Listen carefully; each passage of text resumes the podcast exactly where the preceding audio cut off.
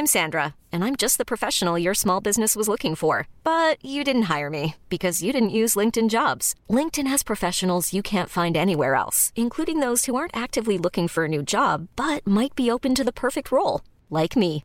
In a given month, over 70% of LinkedIn users don't visit other leading job sites. So if you're not looking on LinkedIn, you'll miss out on great candidates like Sandra. Start hiring professionals like a professional. Post your free job on linkedin.com/achieve today. There's never been a faster or easier way to start your weight loss journey than with PlushCare. PlushCare accepts most insurance plans and gives you online access to board-certified physicians who can prescribe FDA-approved weight loss medications like Wigovi and Zepbound for those who qualify. Take charge of your health and speak with a board-certified physician about a weight loss plan that's right for you. Get started today at plushcare.com slash weight loss. That's plushcare.com slash weight loss. plushcare.com slash weightloss.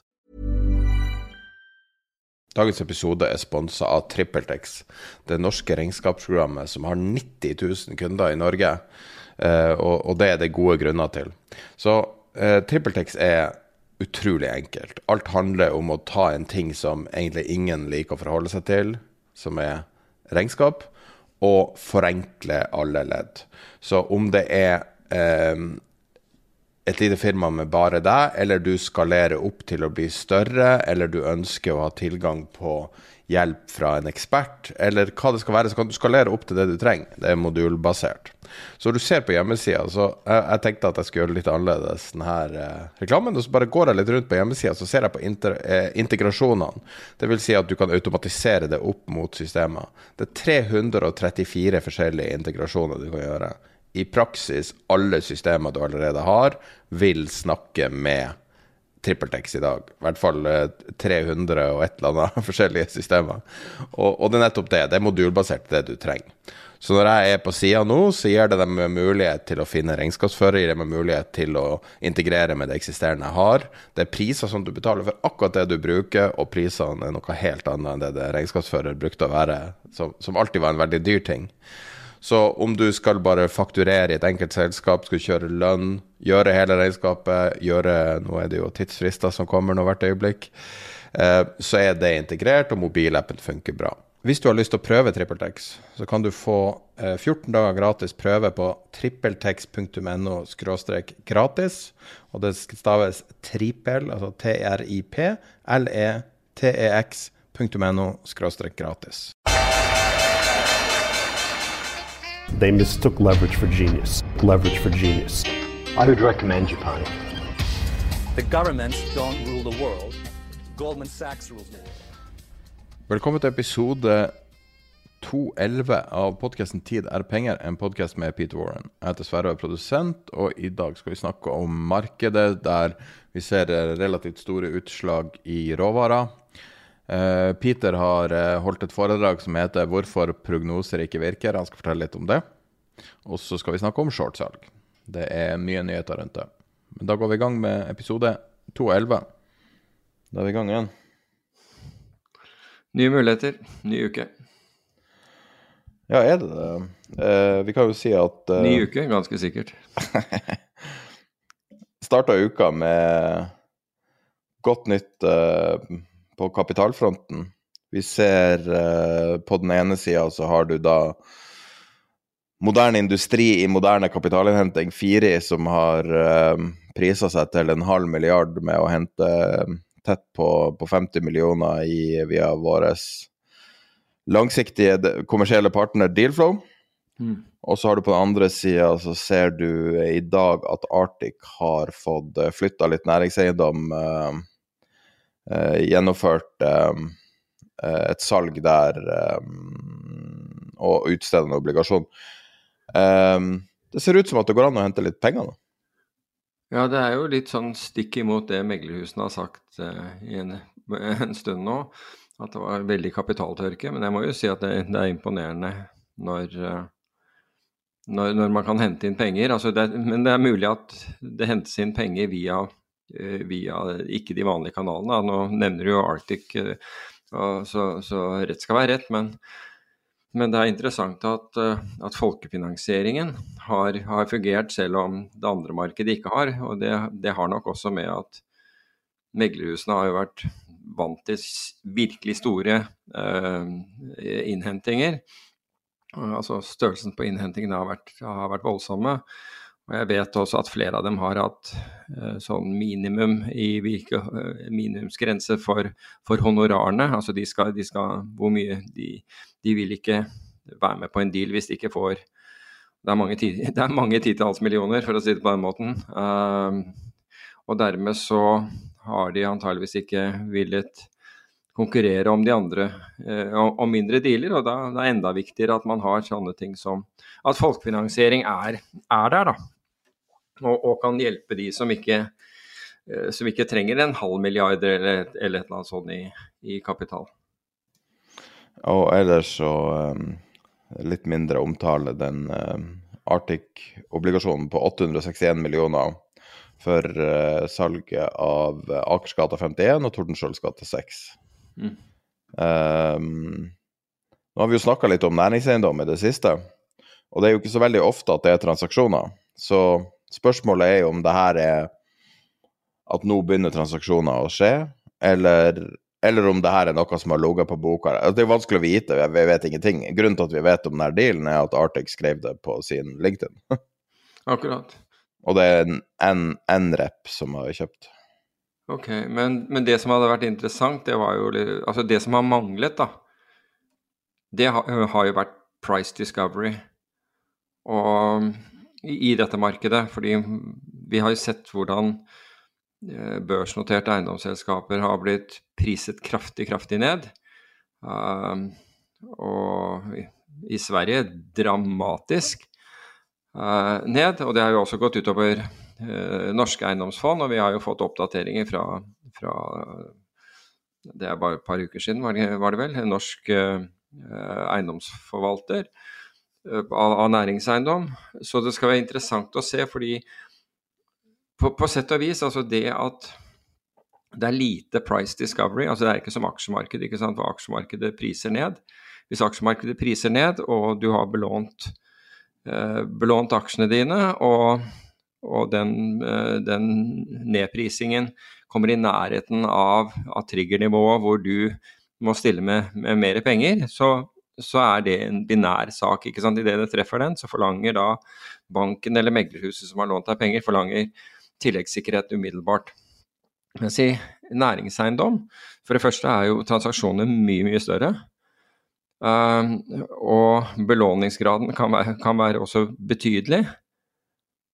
Men her sitter på en måte de som, de som, eier, de som sitter på eiendommene og bankene litt i samme situasjon.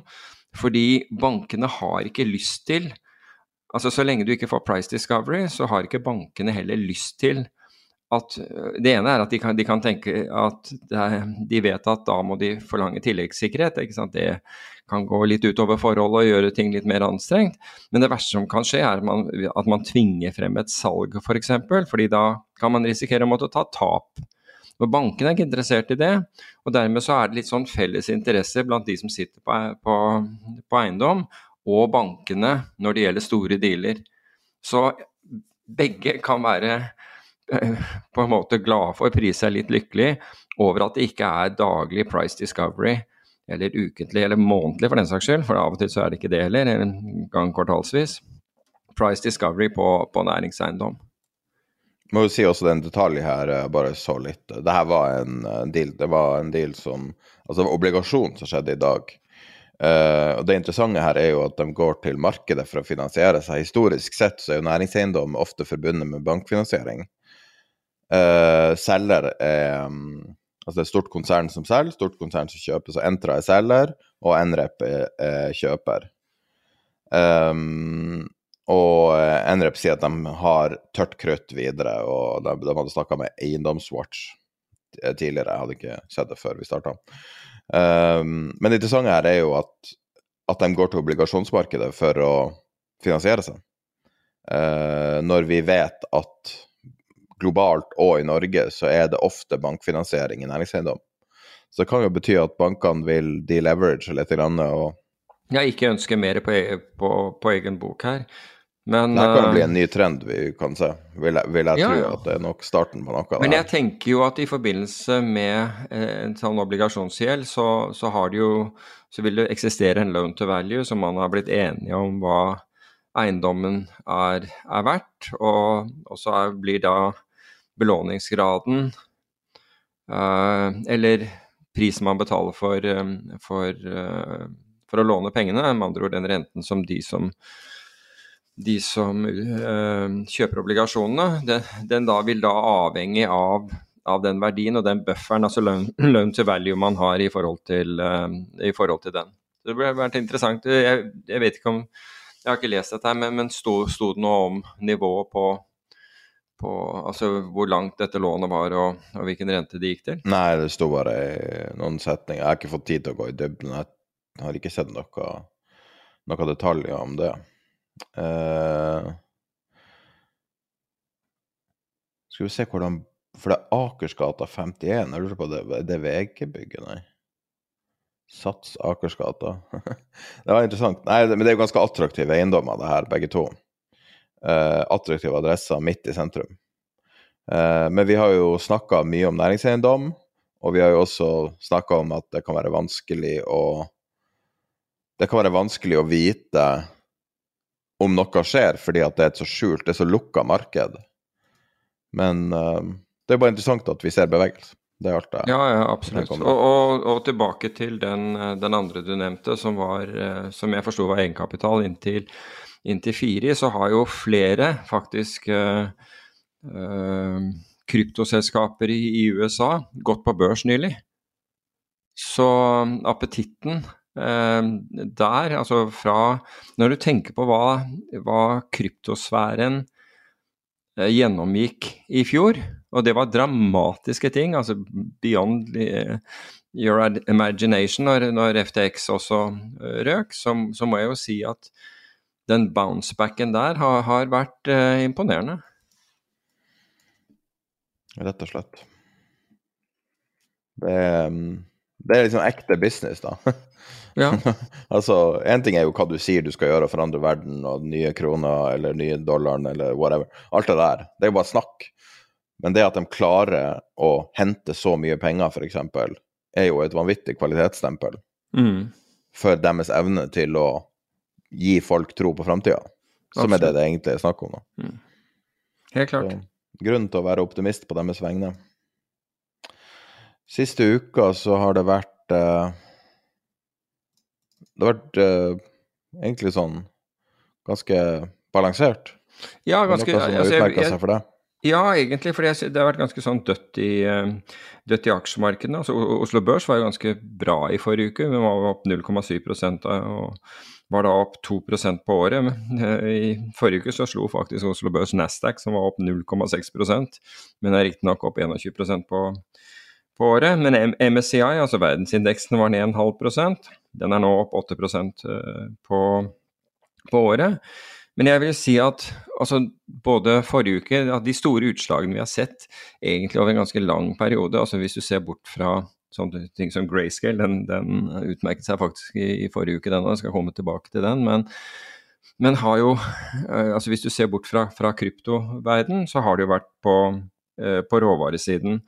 Og litt avhengig av hvilken råvareindeks du følger, altså disse er det ETF-er har, så var det jo røftlig ned 2% og de er ned 8-9 eh, på året. Og jeg tror at en av de tingene som, som foregår der, og, fall, og jeg syns det også bekreftes når du ser på KOTSRA, altså eh, rapporten for posisjonering osv., det er at altså, råvarer hadde et godt år i fjor, og for de som satt på råvarer, så, så gjorde de det da vesentlig bedre enn en aksjer. Eh, men det som er, er poenget med råvarer, det, altså der, der vet vi at trendfølgende fond blir veldig fort store, fordi råvarer er ikke like store som, som aksjemarkedet. Når trendfølgende fond går inn i aksjemarkedet, så merkes jo det også, men de går som da regel inn i indekser. De kjøper ikke enkeltaksjer. Noen få av dem gjør, men det er, det er uvanlig. De fleste kjøper eller går short index futures. Mens i, rå, i råvarer så blir det jo at de går inn i de ulike råvarene. Uh, og så har du jo alle disse utfordringene man har når, når kontrakter forfaller og må fornyes og så videre med det. Og det er antageligvis derfor vi Altså den aktiviteten, fordi i 2008 så hadde jo trendfølgende fond et fantastisk år. Um, og folk som hadde diversifisert uh, gjennom trendfølgende fond, kom jo bedre ut av finanskrisen enn noen. De som kun hadde investert i det, de kom jo da vesentlig enda bedre ut av det. Men i en lang tid etterpå, rett og slett fordi i 2009 og 2010 så strømmet det inn penger til, til disse fondene. Og fondet begynte å gjøre det dårligere. Det ble, det, de, de jaget de samme investeringene, dro det for langt opp, kjørte det for langt ned osv. Men så kom de tilbake i vengeance da i i, uh, i 2022, altså med andre ord i, i fjor. Da, da, kom de der fullt inn igjen, fordi da fikk du pågående og lange trender. ikke sant? Aksjemarkedet gikk til nedsiden, renter i eh, eh, obligasjoner falt, med andre ord renten steg, eh, råvarer gikk opp osv. Og, så videre, og så pøser inn penger igjen. Og det vi ser nå, er jo at en, en stor del av aktiviteten, og, og i hvert fall volatiliteten, tilskrives disse, disse, fondene, fordi de er veldig lett investert i, uh, i aksjemarkedet. Det er ikke tungt investert. Det er for øvrig ikke uh, Det er jo ikke tung allokering til aksjemarkedene selv fra, fra, fra uh, folk som er aktive i aksjemarkedet, viser, viser, tallene. Men hvis du så i, i forrige uke, så hadde du det vi ikke ønsker skulle stige, bl.a. kraftprisene, altså nordiske kraftpriser. Eh, det er jo tredje kvartals øh, uh, si futuren som, som, handles, eller forwarden som handles, den var jo opp 23 Det er jo ikke det vi ønsker å, å oppleve. Uh, amerikansk naturgass gikk opp 7% uran var opp 2,7 og ETF-en for ren energi var opp 2,4% Så alt liksom hadde med Eh, med råvarer å gjøre. Så du til nedsiden, så var det egentlig råvarer som dominerte der òg. Grey, altså, Grayscale er en ETF som, som har bitcoin, riktignok. Jeg er enig i at det er litt, kanskje litt søkt å kalle bitcoin en, en, en råvare. Vi får kalle det krypto. Var ned 15 um, ETF-en for, for, bulkrater faller 7% Det samme gjør britisk naturgass. Sølv er ned eh, 7% og kull er ned eh, 5 så det er, det er, ganske interessant å se at det er altså Hvis du er ute etter volatilitet og ønsker å holde på med det, så, så er det, definitivt i råvaremarkedet. Hvis, hvis, du liker volatilitet og ser det som muligheter, så er det definitivt i råvaremarkedet du, eh, du bør kikke. Og så ser vi at ting som Eh, at blant annet, altså i, sølv så har det endret seg. for Jeg, snakket om sølv for en, en, tid tilbake hvor de kommersielle aktørene var, hadde snudd fra å være uh, short til å være long.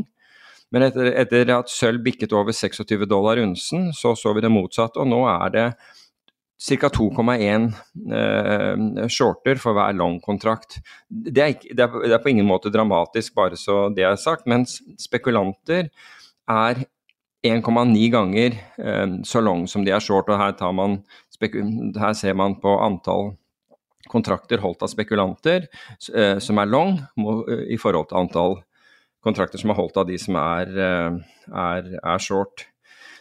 Men jeg syns det er mer interessant å se på eh, altså Hvis du skal se på det fundamentalt, og, og se på kobber Kobber var for øvrig også ned i, i forrige uke ganske, ganske kraftig. Og det er at de kommersielle aktørene de er long 1,3 eh, ganger så mange kontrakter som de er short. Altså Hvis du tenker deg en kommersiell aktør, det, det er som regel uh, miners, altså uh, hva heter det for noe? Uh, selskaper som er i kobbergruver osv., så, videre, så er egentlig de naturlige hedgere. Så alt annet like, så vil du tro at de vil være short i future-markedet fordi de er long det fysiske. Men i kobber så er det faktisk motsatt. Det er de 1,3 ganger uh, så long som, som, de er short. Så de kommersielle er long, men der er spekulantene short. Og, og jeg tror at årsaken til at, at spekulantene er short der, er høyst sannsynlig trendfølgende fond som har bråsnudd seg når, det, når dette begynte å gå, gå, den andre veien. Man overdrev bevegelsen til, til oppsiden rett og slett pga. mengden av penger som plutselig skulle inn og kjøpe. Det samme gjaldt sølv. For så vidt gjelder i, i, i gull også. Uh, man overdriver bevegelsen til oppsiden, så kommer det da en, en uh, reaksjon på det. Og den reaksjonen er stor nok til at den trigger disse modellene til, for veldig mange av dem, er enten long eller short. Det er ikke long ingen posisjon eller short, det er enten long eller short. Så i det øyeblikket de går fra at den trigges ut av ballongen, kall det en stopplås, men det er stop and reverse i virkeligheten, så går de klin motsatte, eh, motsatte veien. Så, så, det er ganske interessant å, å, se, og jeg tror at veldig mye av det som skjer nå, den derre de der dragene vi har, sett, vi har sett det tilsvarende i olje, det tror jeg vi snakket om i, i forrige uke. altså oljeprisen falt uh, over 9% på, på, på, et par dager, skyldes i stor grad av flowene til disse, disse fondene. Så det er for, for aktører som de store uh, commodity-traderne og tradere i dette markedet, så har det blitt i økt grad viktig å følge med på posisjoneringen og forsøke å estimere hvor er det triggerpunktene for disse, disse fondene ligger. Jeg husker Eh, Bank of America for ja, hva kan det være nå, 15 år siden eller noe sånt, i hvert fall 10. Um, de, nei, 10 år siden tenker jeg at det er. De, de hadde tre uh, glidende gjennomsnitt og, og, som, som, de brukte på, uh, for å indikere. og der, der, mente de at de kunne gjennom de tre glidende gjennomsnittene, hvis kursen beveget seg ned gjennom alle tre, så mente de at alle typer av trendfølgende fond altså hvis kursen beveget seg nedover, hadde snudd fra å være long til å være short. Så den korteste av disse glidende gjennomsnittene, den, den tok de, de trendfølgerne som hadde veldig korte modeller, og så hadde de en medium en, og så hadde de en langsiktig en. Og, og jeg, må, jeg, jeg, fulgte den uten at, at, jeg fant den nyttig for noe, noe som helst form for tradingsignal. Eh, det eneste gangen jeg fant den nyttig for tradingsignal, det var når kursen var veldig høyt over alle disse eh, gjennomsnittene, eller veldig langt under. At da var markedet rett og slett gått for langt i en annen, retning. Men, men, jeg husker i hvert fall at de modellerte det på den måten, og mente at mer sofistikert analyse trengte du faktisk ikke å gjøre for å vite hva, hva disse trendfølgende fondene drev med. Men i dag så vet jeg at veldig mange av råvaretraderne leser bl.a. COT-rapporten, men også ser på ser på trend i, og forsøker å, å, å estimere by, hvor, hvor, trykkpunktene er for, for denne gruppen med, eh, med, forvaltere. For den er stor, den er kvantitativ, den er mat matematisk drevet, så, og, og, de er store. De representerer store volumer, og i hvert fall i forhold til størrelsen på marked. Så det kan være interessant å tenke på det òg. Det er ikke bare store aktører i kobbermarkedet? Du har også uh, dem som skrives om av Vest Telemark Blad. Kan jeg lese opp ei overskrift derifra? ja, kom igjen. Jeg abonnerer ikke, dessverre. Stoppa rusa fører med kniv og 100 kilo kobber i bilen. Ja. å rive kobber ut av veggen er alltid en bedre trade enn å kjøpe det og stjele det. en gammel klassiker, det. Jo, men det er, det, altså, det er mulig at vedkommende eh, dessverre ruspåvirket og, og, med kniv i hånda var, eh, var eh, Hva heter det for noe? Eh, Bullish. ja, eller, eller, han var uh, fremoverlent i forhold til liksom og, og, og, synsk i forhold til uh, fremtiden her. Fordi hvis, du, hvis vi skal gjennomføre dette grønne skiftet som, som, på en måte har momentum, og jeg tror ikke det er så mange som er uenig om det, så betyr det jo bl.a. å elektrifisere osv. større andeler av, av kraftproduksjon. Og i det tilfellet så trenger vi visse, eh, visse Eh, materialer, hvorav kobber definitivt er en av dem. Altså, det spiller ingen om det er batteriteknologi eller om det er kabler eller hva du skal, skal, bruke det til, du trenger mer av det. Så det er på en måte en Så, så det kan være at uh, håper å si, hva, hva var det Vest-Telemarks uh, Blads uh, uttenkte i, i, virkeligheten er den som kommer, som kommer vinnende ut av denne her, når han endelig kommer ut av fengsel? Um, ellers så har det vært et bra kvartal. Nå er det jo uh, Jeg tror det er 90% kanskje mer enn det, av banker som har lagt fram tall. Jeg tror, for jeg har en oversikt fra 10. mai, og da var det 89 hadde rapportert. Uh, det har vært et knallbra uh, kvartal for banker. Nå er det jo amerikanske banker, da. Uh, omsetning er opp 17 Kost Cost over income er opp 53 Uh, jeg regner med det i positiv favør. Det var litt usikker på hva. Det var litt rart framstilt. Er det year on year, eller er det, hva var det for noe? Det var year on year, ja. Uh, og um, de fleste slo forventningen i snitt, og i snitt steg 0,3 um, Bare synes det er interessant å, å se det nettopp det at når vi går inn i når vi går inn i potensielt mer eh, luggeføre, at du ser at bankene gjør det bra. For det er jo en sånn veldig eksponert bransje når ting går dårlig. Vi har jo ingen tegn på ei bankkrise sånn som i 2008. Det er jo mer veldig spesielle banker som er i trøbbel. I USA, ja. da. Og det her er jo også USA og Europa må jo skilles. Men ser du på den eh, bankindeksen i USA, Um, så ser, eller for små banker, så ser du jo at uh, at det har ikke kommet, de har ikke kommet seg opp igjen. De ligger fortsatt nede. Og uh, ikke så veldig langt unna 2008-nivået. Pack Western er 80% Bank of Hawaii er 56% Bank United 50 Brookline 46% Independent Bank 45% Glacier ned 44% Altså, det er kun én bank som utgjør den bankindeksen, small bank index, som er oppe i år. Den som er minst ned, ned 15% Så det her er jo, det er jo veldig, veldig alvorlige tall fortsatt. Ja, det er voldsomt. Det er voldsomme tall. Og i hvert fall hvis det er også slik Nå vet jeg ikke hvor CMBS de er Altså Hva heter det for noe? Uh, næringseiendomseksponert disse bankene er. Men hvis, hvis de, de, i tillegg er det, så Eller det kan jo hende at, de, at, man har forskuttert det rett og slett på basis av balansen, for alt jeg, jeg vet. Det er ikke gitt at det, at, at det er det heller, men, uh, men vi vet jo at veldig mye av eh, CMBs uh, Eh, CMB står for Commercial Backed eh, Mortgage uh, Commercial Mortgage Backed uh, Securities. Um, at, vi, at, vi, vet jo at mange har, ikke har tatt hensyn til, til, til nedskrivningen i den sektoren i, i sine balanser. Men jeg, jeg, kan ta noe som er positivt. Altså, vi vet jo at Jeg har jo nevnt dette at at bensinprisen på, i Fredrikstads gate på Frogner den, den, går opp 30% på et minutt hver, hver fredag. Det er jo eh, det er en interessant sak at det, det, fortsetter å se. Men jeg har en, en bedre enn hva med, hva med 1800% på et minutt, da?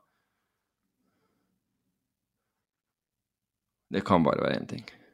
Ja, strømpris. Helt riktig. Det var strømprisen fra 15, klokka 15.59. Kanskje 1800% på ett minutt? Ja, det var litt over 1800% var det den dagen der det var ett øre? Det var i går. Ja. Nei, men det var ikke fra ett øre. Dette var fra fire øre til 77 eller noe sånt. Så det er jo friskt. Da går det unna. Ja.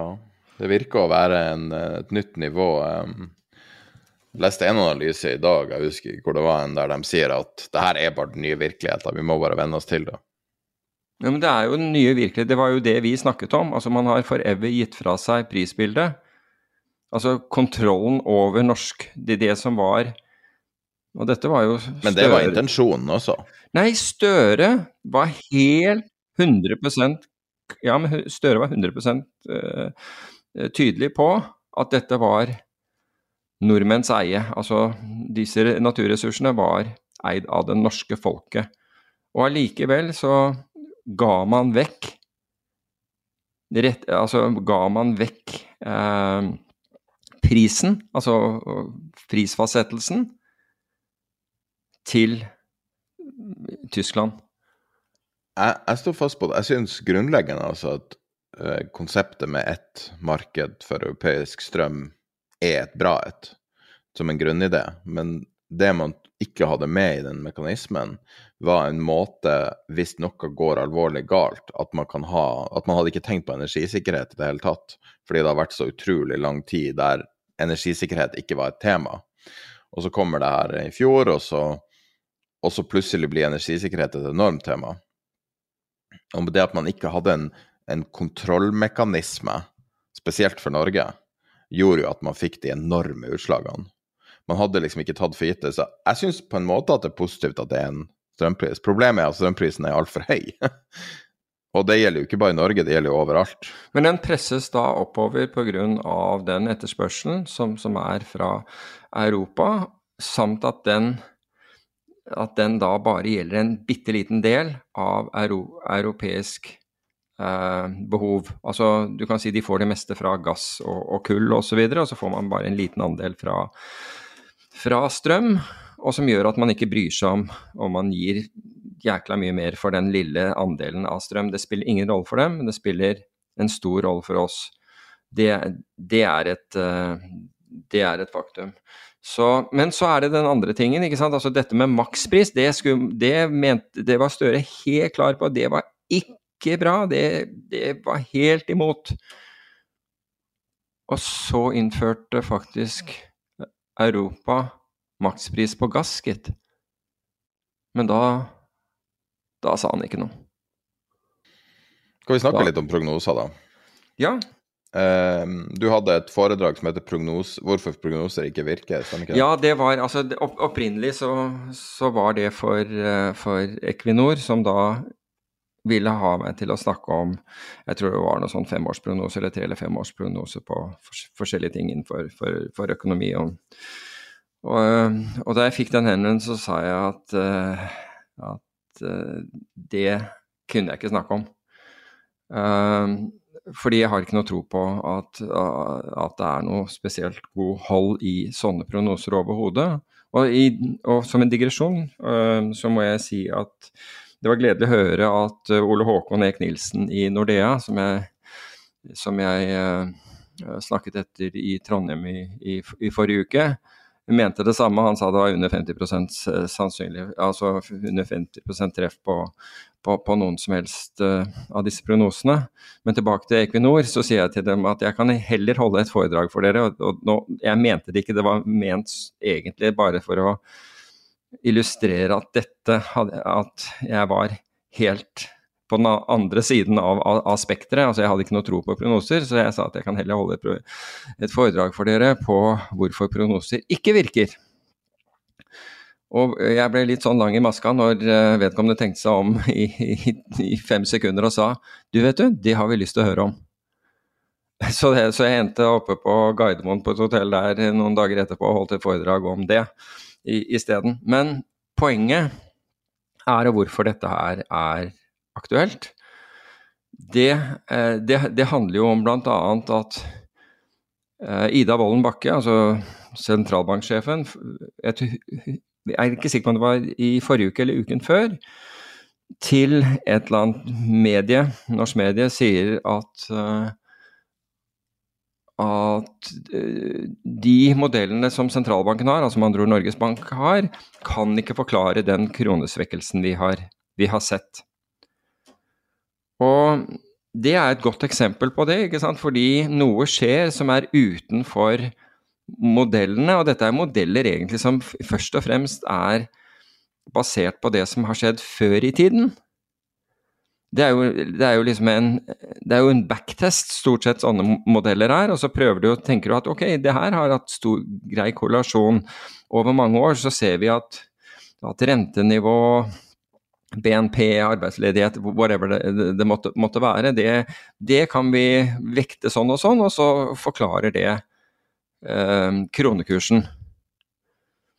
Og så plutselig så renner vi utenfor disse, disse, modellene. Og da kan du spørre deg at hvor verdifulle var de modellene?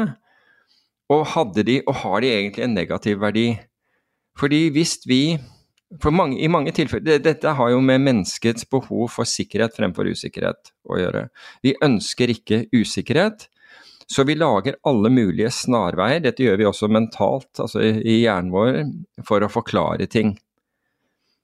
Og, noe, og, de fleste tingene forklarer vi i ettertid som om det var en selvfølge at vi visste dette i sanntid. Og det er det jo ofte ikke.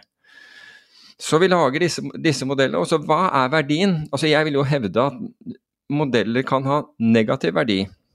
Rett og slett fordi vi begynner å stole på disse modellene og forvente at verden skal tilpasse seg modellene våre, i dette tilfellet norske kronen om man vil, til modellene, fremfor at modellene våre trenger oppdatering, trenger ny informasjon. Tilbake til general David Petraeus som sa at måten han skiftet mening på, det var at han hadde informasjon, hadde et syn, men tilegnet seg stadig mer informasjon, og justerte da sitt syn i forhold til det. Og rett og slett det å plukke opp andre faktorer. Og det var vel Elisabeth Holvik, i hvert fall av, øh, av liksom mer fremtredende økonomer, som hevdet at det var politikken som ble ført her i landet, som var liksom usikkerhetsmomentet og det utslagsgivende, og, og rett og slett årsaken til at man fravek at verden, altså kronen, fravek da hva, hva, man kunne forvente seg ut av modeller. Og dette ble da eh, eh gjentatt og eh, fordypet, gjerne, kan man, kan man si, av, eh, av, Knut Anton Mork i DN i dag. Verdt å lese. Som forklarer hvorfor det er blitt en, en, en mye større usikkerhet og, og en lavere verdi på, på kronen enn det modellene kan forklare. Kan jeg få lov å gi en ramme til det her? Ja. Før du går videre, bare sånn noe å henge deg på. Uh, en typisk ting man alltid snakker om, er jo renta. Så i Norge har debatten om kronestyrkelse alltid vært en debatt om renta. Nå har det blitt en debatt om noe kronekjøp, som, som er en helt annen debatt, på en måte. Så jeg tok bare og skulle se hvor, hvor, er Norge? Hvordan ligger Norge an i beita? Så hvis du ser på Europa, så er det bare eh, Danmark som ligger med lavere sentralbankrente enn Norge av et eh, land, og så er Sveits, selvfølgelig. Sveits er jo en veldig spesial case. Eh, og Danmark er, har jo um, de facto euroen. Sånn at med unntak av Albania og Bulgaria, så har Norge lavest rente i Europa etter Sveits. Du kan si Danmark også, men pga. den spesielle peggen til euro, så er det på en måte i denne sammenhengen ikke så viktig. Sverige har en kvart, prosent høyere, kvart prosentpoeng høyere rente. Eurosonen har en halv prosentpoeng. Storbritannia har én og en kvart over. Um, og så når du da tar verden, for da, da, det blir jo veldig mange tall her, da, så har du for å få med andre store, uh, så har du f.eks. USA, på 5,25. Um, Forente arabiske emirater, ganske sammenlignbart med Norge på mange måter. 5-15. Uh, ehm, se andre land uh, Storbritannia har tatt Det jeg prøver å si, er at uh, Australia 3,85 De sier nå plutselig at det er så mystisk at krona er så, at krona er så svak. Når, når debatten alltid har dreid seg om renta, og renta ligger veldig mye lavere eh, i noen tilfeller veldig mye lavere enn land man kan naturlig sammenligne seg med. Men det som er at alle de her folkene eier jo eiendom. Å heve renta er jo nesten det verste tenkelige alternativet med det, det i bakhodet. Så jeg forstår ikke hvorfor det her er et sånt stort, sånt stort, mysterium. Nei, fordi du kan ikke bare se isolert sett på renten, du må se den i forhold til inflasjon. Selvfølgelig, kan... men nå ja, ser jeg isolert på renta, ja. og ser at Norge ligger helt i bunnen når det mm. kommer til rentenivå. Og så sier man det er så rart at krona er så upopulær. Men den rentediffen syns jeg ikke er så rart. Spesielt Nei. ikke når du legger på andre usikre momenter på toppen. Nei, nå, jeg er enig i det. Og du kan si at det, det, er mindre, det er selvfølgelig mindre attraktivt å investere i et land eller i en valuta som har en lavere rente. Men det, har, men det, men det sagt, så, så, og som vi um,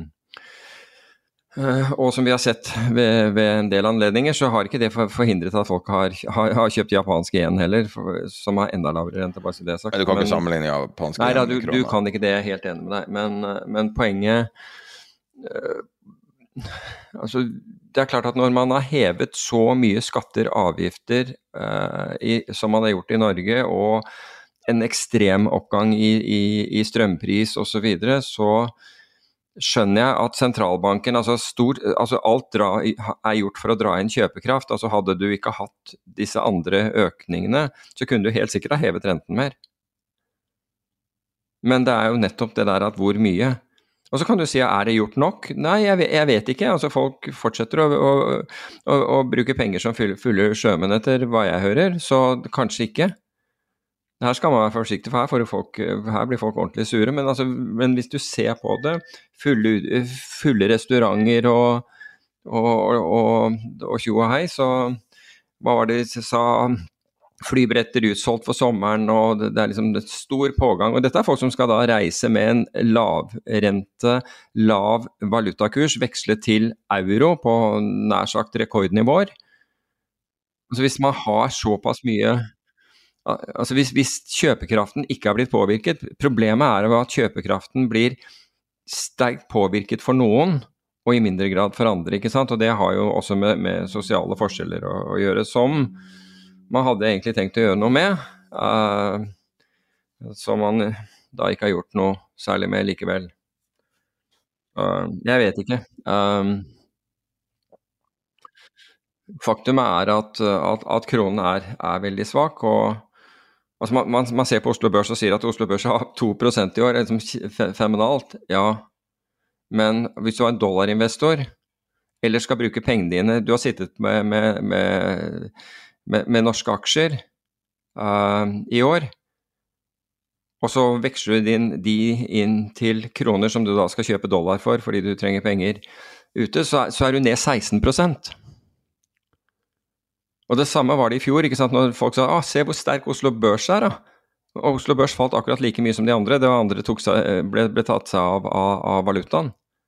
Så for en utlending som satt på norske aksjer i fjor, han feiret ikke, han, for han tapte akkurat like mye som han tapte i europeiske aksjer og andre aksjer. Han har bare ikke fått den rebounden som kom etterpå. Så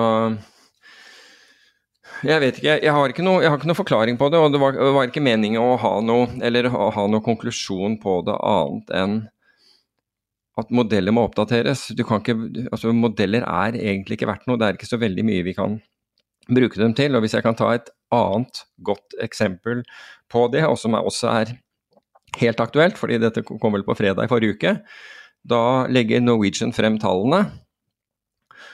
Og, og Geir Karlsen, som er da sjef for eh, Norwegian, forteller uh, analytikerkorpset at de har regna feil. At det går vesentlig bedre i selskapet enn en det de har tatt hensyn til. Modellen deres er feil. Så da sier analytikerne å ja. Og så kommer kjøpsanbefalingen på Norwegian. Så kan lure på hva du trenger de der analytikerne til, og hva modellen er. Hvis de ikke er, har evne til å tenke selv, men at du bare bruker en eller annen cashflow-analyse, eller jeg vet ikke hva de, hva de bruker, eller uh, antall solgte seter, drivstoff Det er mange ting du kan putte i den modellen, og jeg er definitivt ikke en flyanalytiker eller mikroanalytiker for den saks skyld, så jeg skal ikke engang begi meg ut på det der. Men, men det holdt med at uh, sjefen for, for Norwegian sier at Nei, vi kommer til å tjene mye mer penger enn de, de må, de, dere har, dere har eh, prognostisert. Og så sier alle ok, da kjører vi vel en kjøpsanbefaling, da. Eller da oppjusterer vi estimatene våre. Det er ganske enkelt. Du trenger ikke et analytikerkorps, du trenger bare en administrerende direktør. Forenkler det. altså Vi gjør det også egentlig mye billigere for meglerhusene, tror du ikke det? Kvitt analytikeren, så kan du heller høre på hva hva sjefen i, i eh, de børsnoterte selskapene sier og, og, mener om fremtiden. Det blir, grei, grei, det blir, blir greit, det òg. Når du nevner modeller av Norwegian, så En ting som jeg husker, det var jo veldig mye snakk om hedginga til Norwegian, der de skulle hedge uh, drivstoffprisen sin. Men det gikk jo liksom alle veier. Jeg har aldri helt skjønt poenget med å hedge, fordi at de er jo litt på bortebane der. Uh, de er jo liksom i den finansielle verden som i utgangspunktet de ikke hører hjemme i. Og så skal de ta så skarpe valg at de klarer å redusere kostnadene sine. Jeg synes, altså, jeg foretrekker en sjef som bare sier det går bra nå til markedet, og dere, dere, skjønner ikke hvor bra det går, liksom. Kontra at de prøver å være så lur og skal hedge opp og bruke masse penger på det, og det kanskje går galt. Noe av det gikk også mange ganger galt for Norwegian. Ja, jeg er enig i det, men på et eller annet tidspunkt Jeg mener altså da det gikk galt, så hadde vel ikke Det var jo en periode hvor, hvor oljeprisen og da naturlig nok jetfuel osv. steg kraftig, og og solvensen til eh, Norwegian var i fare, og man ønsket ikke at altså Hvis prisene gikk enda mer, så, så kunne det gå utover den. Og da var det vel et visst sånn press for at man ikke måtte, at det ikke måtte bli verre enn det det, enn, enn det, det var. Slik at altså, du ikke veltet selskapet pga. drivstoffkostnadene. Så det kan jo være en um, You're between a rock and a hard place, ikke sant, der. Fordi hvis du Eh, du blir selvfølgelig takket, og du, og du, kommer i en bedre konkurransemessig situasjon hvis du har klart å hvis du har klart å sikre deg drivstoff til priser som er lavere enn det eh, konkurrentene dine har. Um, på den annen side, eh, hvis du har gjort det der i aller beste mening, og uh, drivstoffprisene fortsetter å falle, så blir du hengt ut som en idiot ikke sant? Og, da, og, og, og udugelig. Så det er ganske tøft for um, for uh, bedrifter, altså generelt, å foreta sånne hedginger. Det kan være rentehedging, det kan være, som i dette tilfellet, jetfuel, det kan være fyringsolje. Det er mange sånne ting som, som er vanskelig, da. Så Men jeg, jeg tenker jo Altså det er, det er, måter å gjøre det på. Nå vet jeg at investeringsbankene har vært veldig på Eh, på flyselskaper, og nå, nå, snakker jeg generelt. Og de har da laget sånn bespoke-kontrakter som de med enorme marginer uh, til seg selv. Um, men jeg, jeg, tenker jo det at hvis du er f.eks. et flyselskap, da, og du sitter med en backwardated forward-kurve, med andre ord du kjøper uh, drivstoff uh, for levering fremtid, i fremtiden mye lavere enn spotprisen er i dag. Og i tillegg har anledning til å gjøre det gjennom opsjoner som da blir gunstig, ofte gunstigere fordi volatiliteten i, eh, i bakmånedene, altså i, i, forfallene gått ut i tid, er mye lavere. Så, er, så, kan det absolutt være gunstig å gjøre dette gjennom opsjoner, som du da kan gå fra dersom prisene skulle fortsette videre ned. Da har du, en, du har betalt en opsjonspremie, men det har ikke vært verre enn det. Det er ikke sånn at du er stuck med dyr, uh, dyr uh, i flyselskapenes tilfelle uh, jetfuel. Um, skal vi snakke litt om shortsalg? Ja. Kan du forklare at, altså det, det, er mange som hører, vi bruker mange begreper og alt sånn. Shortsalg er noe som de fleste tar for gitt at alle skjønner, men jeg tror faktisk at en ganske høy prosent ikke helt vet hva shortsalg er. Kunne du ta noen sekunder og bare si akkurat hvordan det fungerer, og hva det er?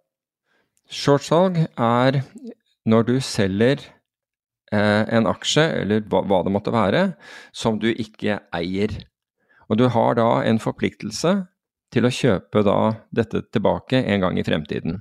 Så hvis vi antar at dette er en aksje, og nå tar vi bare mekanikken av selve shortsalget, så tar vi liksom hva du trenger å gjøre i, i tillegg rundt det.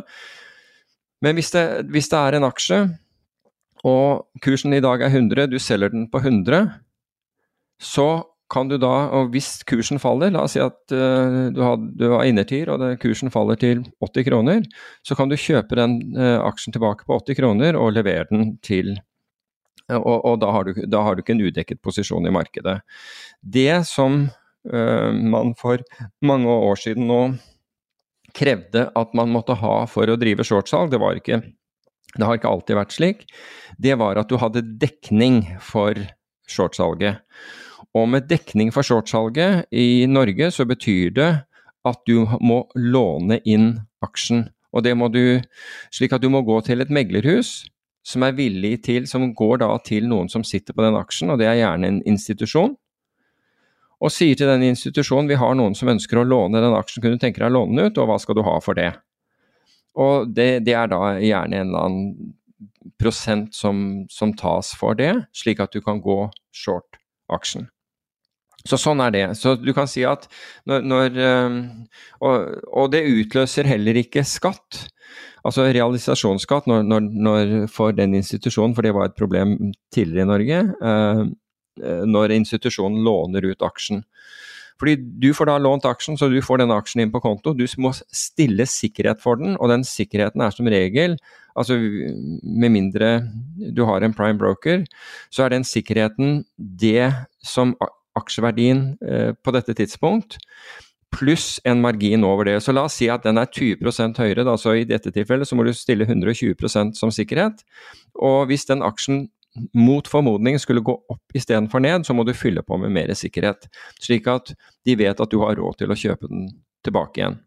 Så Sånn er det det foregår. Så gevinsten din vil da være, hvis du kjøper den tilbake på 80 kroner, 80 kroner minus det du har betalt i renter i, i perioden, og selvfølgelig kurtasje. Det er det som er shortsalg. Du kan også gå short i, future-markedene. Og der, eller du kan gå short gjennom total return swap. Det er mange måter du kan gå short på. I future-markedene så må du ikke låne inn, men du må stille sikkerhet for, for, for shortsalget ditt. Men i aksjemarkedet krever de at for å gå short, så skal du låne inn aksjen. Du kan gå short på en annen måte, du kan gå short gjennom, eh, ved å bruke opsjoner, putte-opsjoner dersom det finnes. På, på, aksjen der er du ikke nødt til å ha dekning, for der har du bare en rettighet og ikke en forpliktelse. Så en av, Hvis vi går tilbake til Norwegian, altså en av de tingene med Vi husker da, da Norwegian var i ferd med å eller truet med, med konkurs, og de skulle ha denne emisjonen. Og og, det, og, og aksjen var priset himmelhøyt i forhold til i, i, i forhold til, til denne emisjonen, så var det dessverre i meglerhusene, særlig de som drev med det, da, da trakk alle seg som marketmakere, ville ikke tre, i, i opsjoner, for de sa du kunne ikke få lånt. Altså alle som kunne låne, hadde lånt opp. Og ingen ville stille noe marked fremover i tid, men det var helt opplagt at det var bare stakkarene som ikke forsto bedre, som drev og kjøpte eh, Norwegian på høye kurser når den var verdt en, eh, en brøkdel. Men man lot da den kursen være der oppe, fordi det var ikke i markedets interesse, altså med andre ord meglerhusene eller Norwegian for den saks skyld, å, å, å, å begynne å selge. Det var det man burde gjort. Um, og marketmakerne trakk seg, trakk seg unna, mens de isteden kunne ha stilt markedet eh, mye lavere, der, der det egentlig var. Så, men shortsalg består da av å satse Altså stort sett shortselgeren satser på nedgang. Eh, ikke ta det nær av det neste jeg skal si. Nei, prøve. Eh, historisk sett så var det jo når man eh, snakker om, om shortsalg og innlån av aksjer, så gammelt av så, så, gjorde man det jo fysisk. Det var en fysisk transaksjon. Og man hadde jo sånne løpegutter på Aker Brygge, altså, eller i Oslo, som sprang fram og tilbake mellom meglerhus med aksjer som var lånt og eller skulle leveres tilbake fra lån. Um, og når noen da solgte en aksje uten å ha lånt inn, så kalles det udekka short eller naken shortsalg. Historisk sett var det ganske lett å se, fordi at bokstavelig talt fysisk hadde ikke aksjen. Aksjer var jo et papir i gamle dager. Men uh, vet du når det her tok slutt, eller har du noen gang sett det her skje, altså den type shortsalg?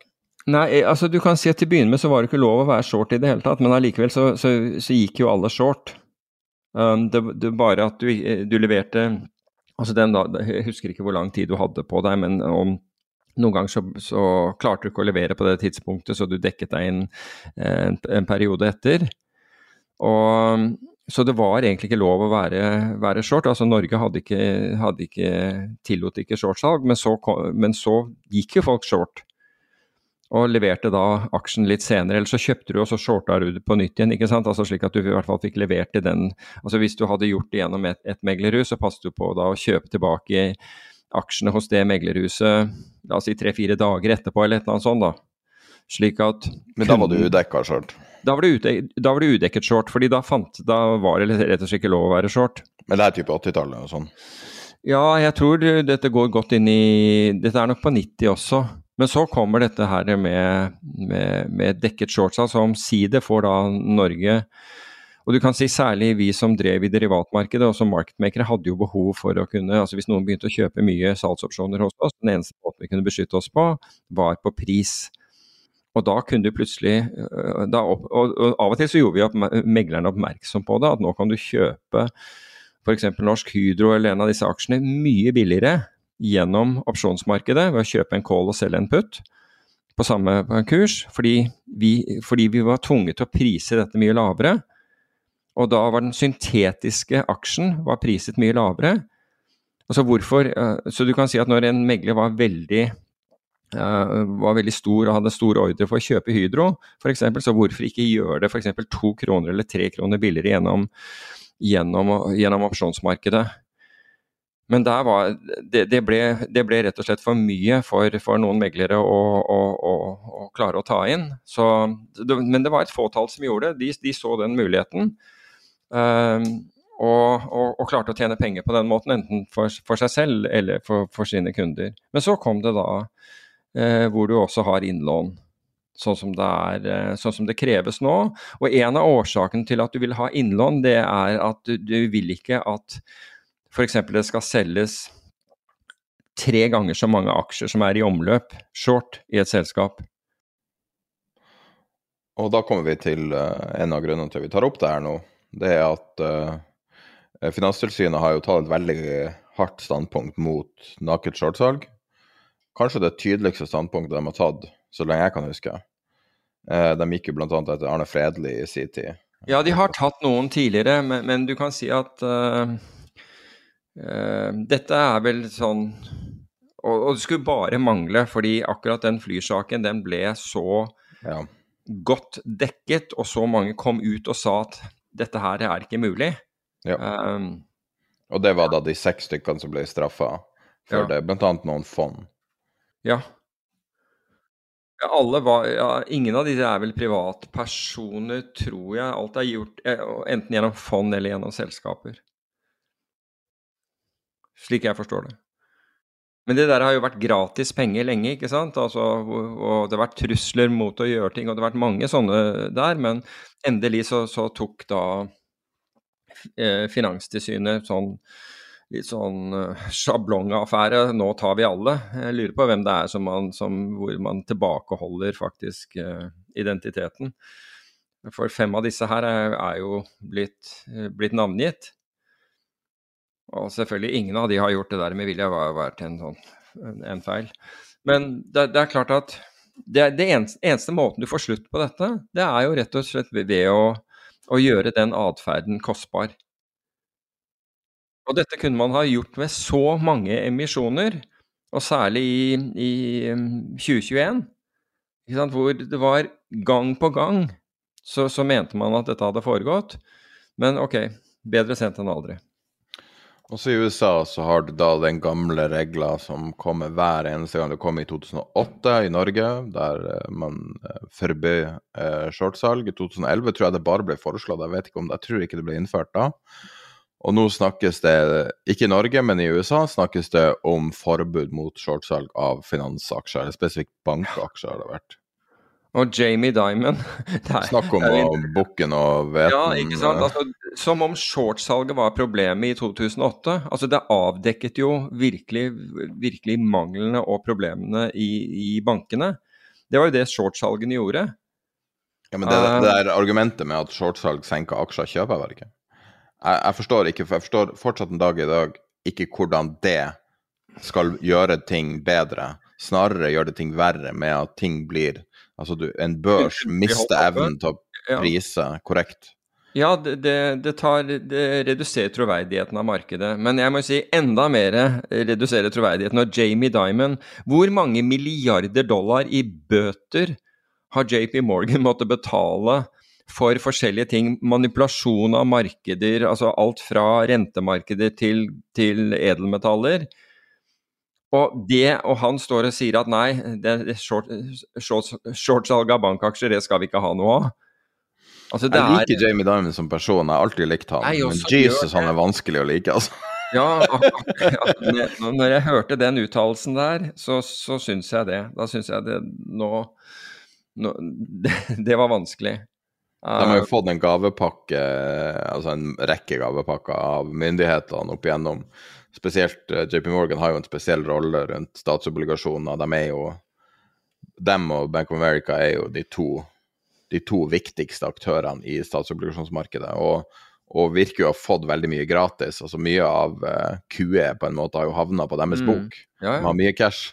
Ja. Så det smaker litt Altså den minste lille bølgen kommer, så begynner man å snakke om å ta bort store verktøy fra finansmarkedene, mm. som undergraver hele markedet potensielt. Litt sånn som at Altså, man bruker jo å si at markedet er som en er som en innsjø, eller som et svømmebasseng, men det, innsjø er bedre. Eh, der du har mange arter som svømmer i havet, som er internasjonal finans. Og du har eh, små, store banker er kanskje haier, og så har du små småsparere som er små sånn, et eller annet sånn amøba eller noe sånt. Og så har du også shortsalg og, og, og aktivistfond og alle de tingene som ofte får så mye pepper er jo en bitte liten del av det her økosystemet, av det her store havet eller store innsjøen. Men det er utrolig viktig, fordi at eh, det at du har mulighet til å gå begge veier, skaper jo en balanse i markedet.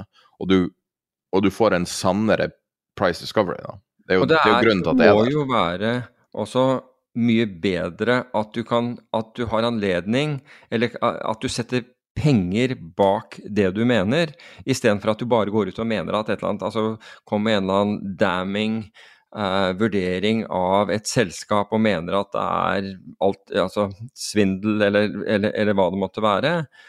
Ta, ta Enron.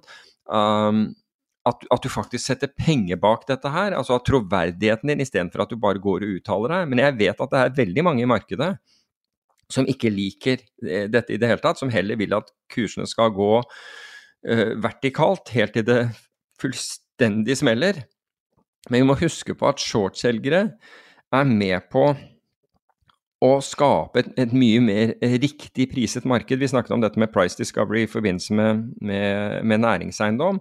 Men shortselgere er faktisk fordi de setter penger bak sine meninger er en viktig del for, for at prisfastsettelsen skal være prisfastsettelsen generelt, og fra, fra nøyaktigheten spesielt. Så det er viktig. Det betyr ikke at alle shortselgere er bra for markedet, altså at, at ikke noen prøver å, å manipulere markeder, men, men, det gjør de, det gjør de eh, til gangs på oppsiden også. Og da er det ingen som, som, som, bryr seg. Så jeg tror det er en sånn uh, kognitiv flå hos, uh, hos mange at, uh, at, man ikke skal ha det. Hva syns du, forresten? Nei, altså, jeg syns man, man skal ikke drive med bistand. Jeg syns ikke man skal drive med kue. Jeg syns ikke man skal endre reglene når ting går Jeg syns man skal la systemer være i fred. Ja, la markedsmekanismer virke? Jeg, jeg tror at uh, på samme måte som, uh, som bistand har uh, har skada Afrika så mye, f.eks. Uh, hvis man sender klær til Afrika, så ødelegger man lokale klesbutikker. Liksom. Altså, uansett hva man gjør med et system, så, så rammer man eh, bærekraften til et system. Sånn at jeg, jeg, tror at hver gang man blander seg inn for å prøve å gjøre litt lettere, altså liksom pisse i buksa, da, så blir det litt vanskeligere.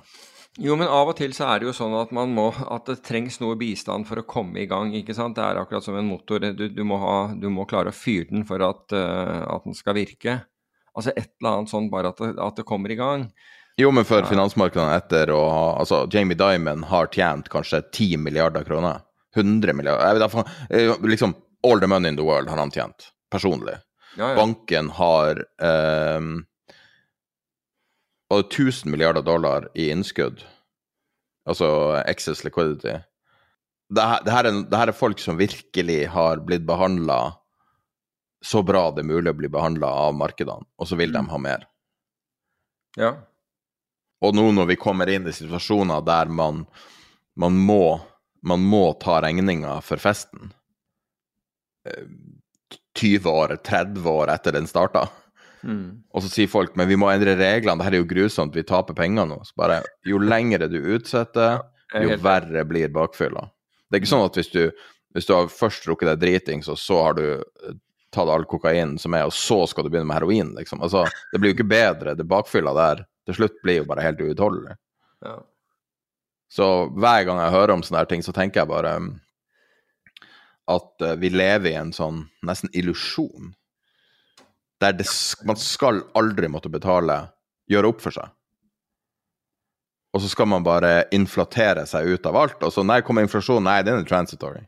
Og så fortsetter man å inflatere seg ut av ting. Altså, det har jo vært masse liksom, pengetrykking i skjul i år. Alt har jo starta igjen. altså. Men Pressa tenk, går jo på forskjellig vis. tenk deg hvor mange markedsanalytikere som finnes der ute, som aldri har sett markeder virke. Altså, jeg tenker da på Ja, når virka markedet? Altså siden 19... Altså 19, jeg tenker på 1907, når det var panic of 1907, når JP Morgan sto på trappa og kjøpte aksjer der Mm. han var sentralbanken, personlig.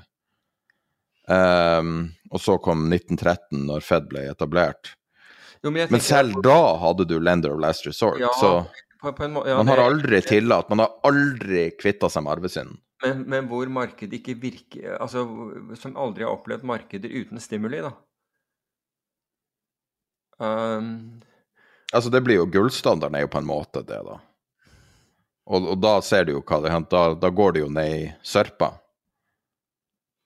For da kveler du all vekst. Og det er det ingen som vil ha. nei, altså det, det blir jo litt som Altså jeg tenker at du, du får både altså et risk management-korps. Altså alle Nå etter hvert så har jo, har jo bankene fått uh, mye bra folk for så vidt på risk management. Altså Tidligere så var jo risk management delegert til, til, til, til noen som hadde helt andre oppgaver. Det var liksom det, det siste som var, uh, som var interessant, det var jo bare en utgiftspost. Men etter hvert så har man liksom så har man jo i hvert fall gått inn for å, å drive former for eh, risk management. Men problemet her er at både verktøy og, og mange av de som da sitter med dette her som jobb, har ikke vært ute en vinternatt tidligere. Fordi de, de, det har ikke vært vinternetter i, i, i hele deres kar karriere. Så hvis dette skulle bli ordentlig utfordrende, hva Altså, så, så kan man ikke forvente at disse erfaringsbasert vil si at du, den der modellen virker ikke. Um, og jeg så Det var her forleden hvor, hvor noen minnet meg på, på VAR-modell og liksom sa at ja, men VAR var bare sånn og sånn. Så sa jeg hva, er, er du klar over hva som går inn i den modellen? Og det er liksom historisk volatilitet og historisk korrelasjon over en viss tid. Og at i den modellen nå så er, så er det sannsynligvis ikke tatt med, altså annet enn at du fikk et lite sjokk i 2008, men litt avhengig av når du tar inn eh, Ikke i 2008, unnskyld, i, i 2020 under, covid, men litt avhengig av når du tar inn dataen din, så kan den være borte også. Så det er klart at det ser veldig rosenrødt ut.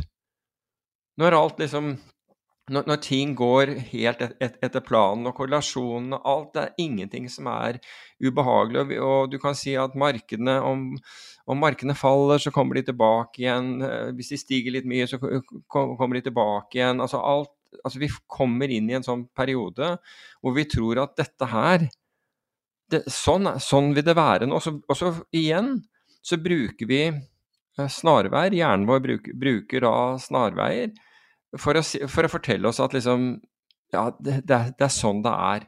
Nå er altså vi, vi bruker unnskyldninger for at det spiller ingen rolle hva det er. Om, det er liksom kommende valg eller sentralbankenes uh, vil ikke gjøre sånn, men de kommer til å gjøre sånn. Altså rett og slett snarveier som ikke er proven, da. De er ikke bevist at dette vil at man vil agere akkurat sånn i, i, i, neste tilfelle, men fordi det er utenfor det du har opplevd, så tar du ikke hensyn til det. Fordi det er det du har liksom på en måte Det, det er din verden. Og vi må da bare håpe at vår verden, verden sånn som vi kjenner den, ikke plutselig endrer seg. Og nå har vi jo en ting som man helst ikke vil tenke på. Altså Hvis du ser på volatiliteten i aksjemarkedene, tok seg opp litt, litt, litt i, forrige uke, men, men, dag til dag så er det ganske, ganske lite uansett. Men du har litt i, i, råvarer, men som mer skyldes på posisjonering enn annet. Ikke spesielt mye i, i, i rentemarkedene generelt. Men Og dette er jo noe som de aller, aller fleste i dette landet ikke følger med i. Uh, men kredittanalytikere uh, gjør det i hvert fall i hvert fall hvis du er i, i, i bankene eller i store hus, se på den amerikanske CDS-en, på amerikansk eh, nasjonalgjeld, som har gått rett i taket. Som følge av, av utfordringene, uh, unintended pun, rundt uh, gjeldstaket. Og dette at det er blitt populistisk med, med gjeldstaket, Trump har blandet seg inn. Altså, Og det var jeg husker ikke, det, muligens det var Dagens Næringsliv som skrev om det i dag, eller så det var det eh, noe jeg leste i eh, f.eks. Financial Times i, i løpet av, av, av weekenden. Altså, den Jeg tror det var Dagens Næringsliv, kan, kan være Terje Egstad, så jeg passer på å gi credit der credit is due. Men the risk-free rate, da, altså, den, altså det er jo hva du får på noe som er risikofritt. Og hva er regnet som risikofritt? Jo, statsobligasjoner, i hvert fall i mange land, er regnet som risikofritt. Og USA spesielt, fordi det er dollaren dette handler om. Og så vet vi at allerede at det er en diskusjon rundt dollaren som uh, sentralbankvaluta, eller i hvert fall som uh, reservevaluta. Det er åpenbart den største uh, reservevalutaen, altså de, den som sentralbanker har mest av. Helt åpenbart er, er det det.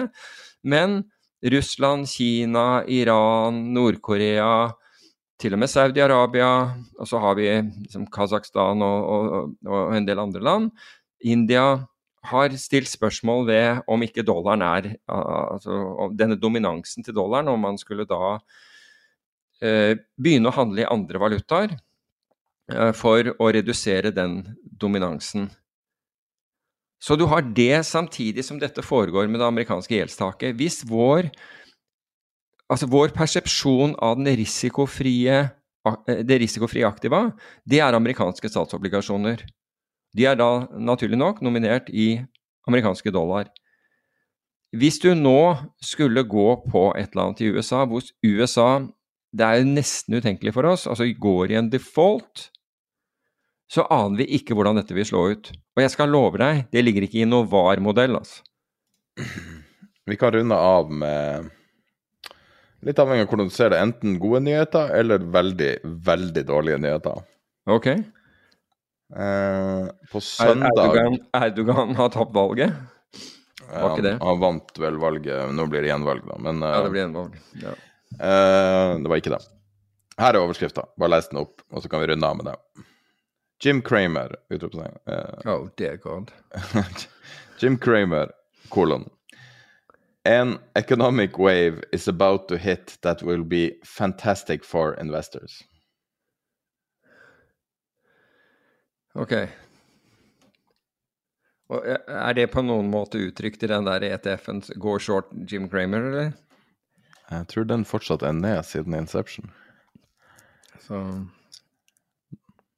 og shorte hele markedet. Så ja.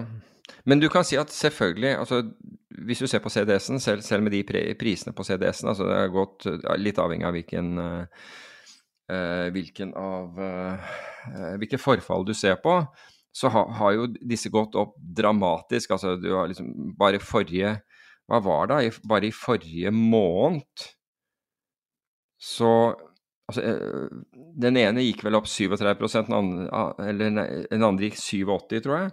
Altså, så det er ordentlig fem, Femåringen gikk, mener jeg gikk noe sånt som 87 opp i, i, i, forrige måned. Jeg lurer på mange som trader den i Norge. altså Den, den er fullt trøybar, bare så det, det er sagt. Uh, jeg vet at da, da vi gjorde den første CDS-traden i, uh, i, det makrofondet som jeg, jeg, forvaltet, så var vi den første i Norge som, som tradet CDS. Det var ingen, ikke banker eller noe som hadde tradet uh, CDS uh, før oss, og det fant vi ut ved å snakke med, med, bankene, for vi hadde håpet at noen av de kunne stille, men de, de fleste av de visste ikke engang hva det var. Men poenget er at det underliggende markedet her, det er, det er noen som bryr seg her. Og selv om konkursfaren fortsatt er regnet som, som, lav, selv om disse har gått opp. Altså nå Hva var det jeg så at Jo. Eh, kredittbeskyttelse på amerikansk nasjonalgjeld var nå vesentlig høyere enn på, på, på, på gresk. Husker du da, da Hellas holdt på å gå over ende?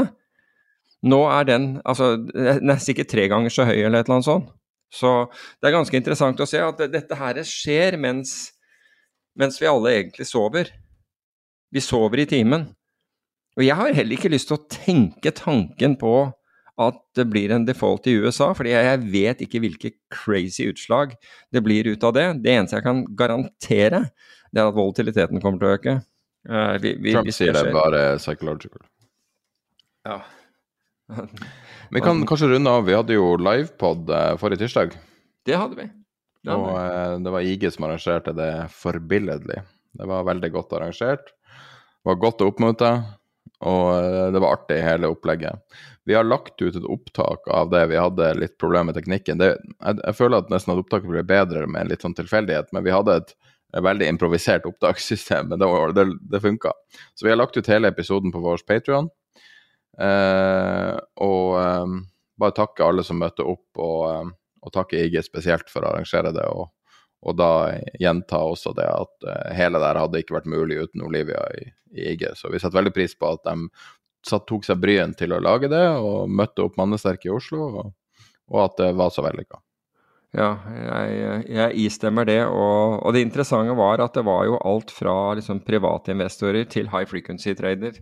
trader i, i, ja, uh, til, til, stede. Og folk fra banker og, og meglerhus. Så Fått, altså, noe, noe, fikk jeg vite da, og noe har jeg fått vite i, i ettertid. Altså av, av uh, hva folk drev med som, som, var til stede. Så jeg må jo si at uh, det, Jeg vet at jeg gjør det på, på vegne av oss begge, at vi er veldig takknemlige for, uh, for alle som stilte opp. Og det var, det, det var en engasjerende Det var et engasjert publikum, og det var liksom det var engasjerende også det der å, å, å kunne snakke til dere med og, og se dere også. Det må jeg si.